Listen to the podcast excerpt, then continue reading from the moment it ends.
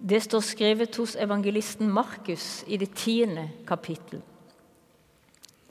Da tok Peter til orde og sa, Hva med oss? Vi har forlatt alt og fulgt deg. Jesus svarte, Sannelig, jeg sier dere, enhver som har forlatt hus eller brødre eller søstre eller mor eller far eller barn eller åkrer for min skyld og for evangeliets skyld, skal få hundre ganger så mye igjen. I den tiden som nå er, skal han få hus, brødre, søstre, mødre, barn og åkrer, men også forfølgelser. Og i den kommende verden evig liv. Men mange av de første skal bli de siste og de siste skal bli de første. Slik lyder det hellige evangelium. Hva med oss? spurte Peter i fortellingen vi nettopp hørte. Og dette spørsmålet har fulgt meg de siste dagene. Hva med oss? Og jeg syns å ane at spørsmålet kommer fra flere kanter. Og jeg har prøvd å lytte meg inn på ulike grupper som kunne stille dette spørsmålet. La meg ta tre eksempler. Den første gruppa er mennesker i vår egen samtid. Kanskje også noen av oss.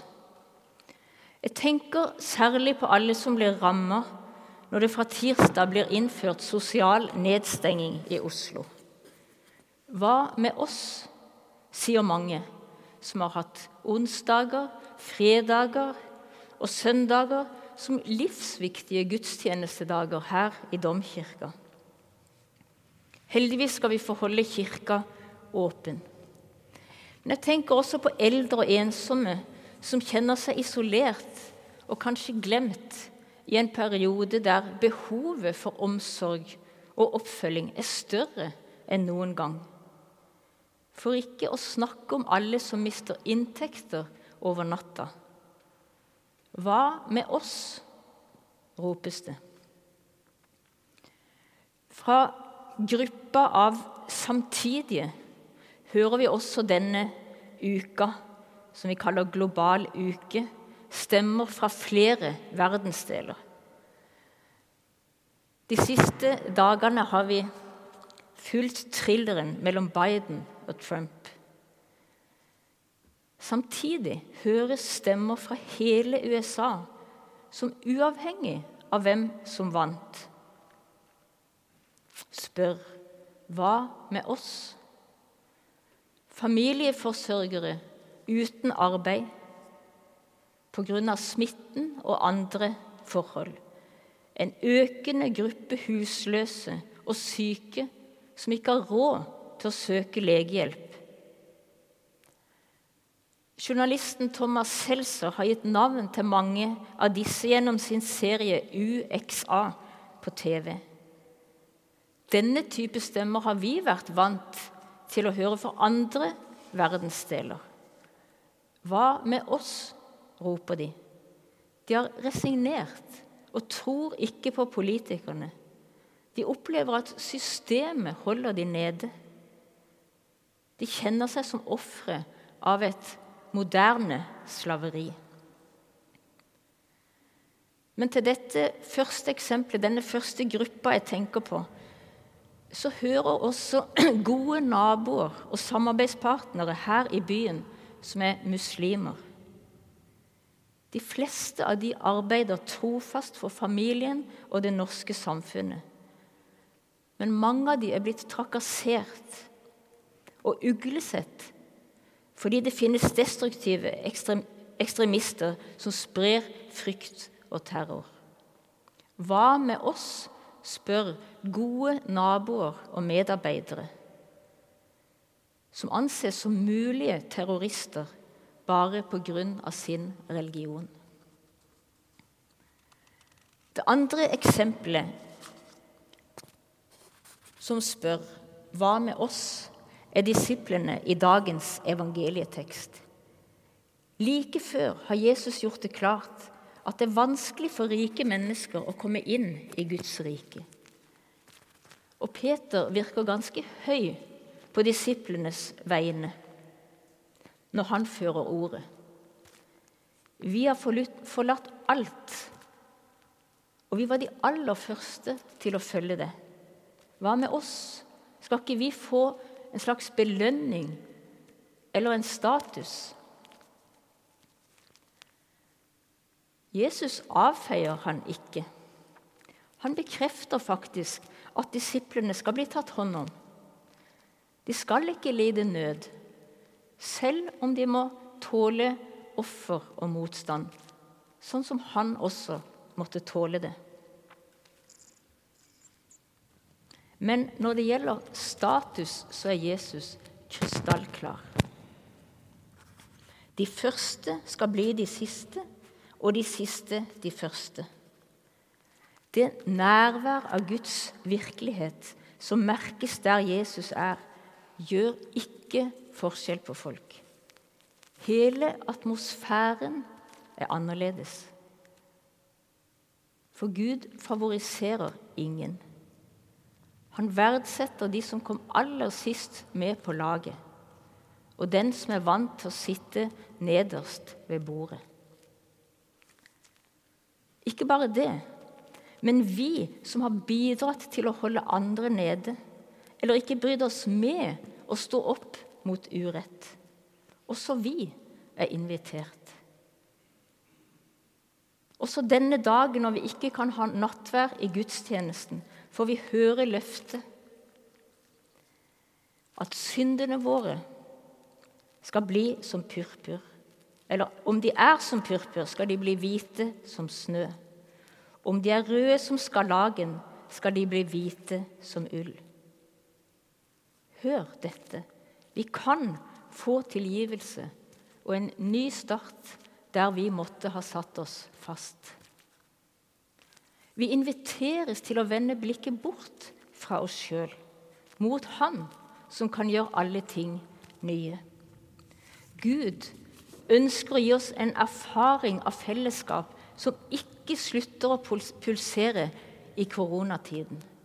Et fellesskap der vi får kjenne livsmot og mening også når det fysiske fellesskapet trappes ned. Og dette fellesskapet er gitt oss med en gave i dåpen og gjør oss til kristne.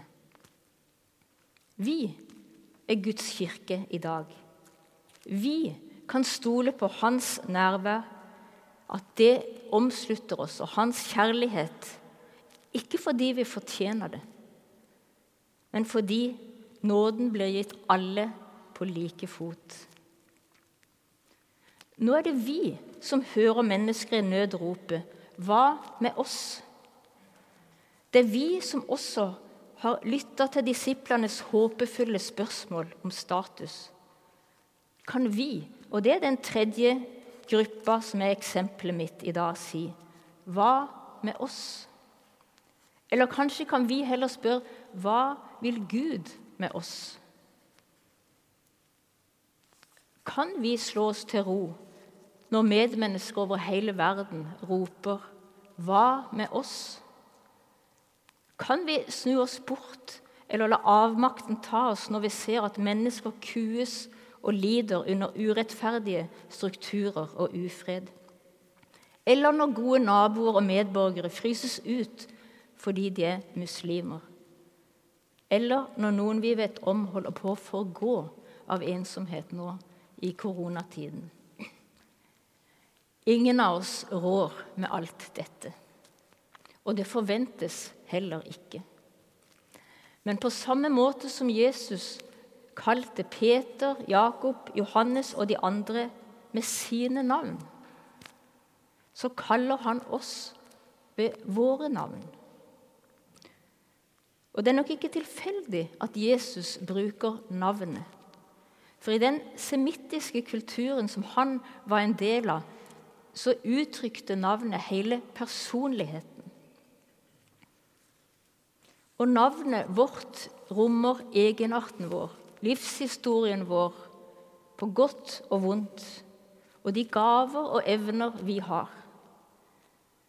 Det er akkurat som de mennesker vi er i dag, at vi inviteres til å bidra. Vi spørres altså ikke om å ta ansvar for alt. Vi er bare mennesker. Men vi spørres om å stille oss til disposisjon med det vi har. Det være seg analytisk teft, kunstneriske anlegg, omsorgsevne, praktisk håndlag, politisk engasjement, lederpotensial eller formidlingsevne, eller hva det måtte være. Som kristen kirke kan vi sammen med alt dette speile Guds rike for vår verden. Der mørket truer og resignasjonen vil snike seg inn, kan vi være med og formidle frihet, glede og livsmot. Så hva med oss? Kan vi svare på det spørsmålet med det siste verset i den keltiske salmen vi nettopp sang? Når du kaller, må jeg lytte. Jeg vil følge deg. Jeg vil vende om og vandre på en ukjent vei. Dit du går, vil jeg gå med. Herre, la din vilje skje. For jeg vet at jeg skal se mitt liv fullendt i deg. Ære være Faderen og Sønnen og Den hellige ånd, som var, er og være skal, en sann Gud fra evighet og til evighet. Amen.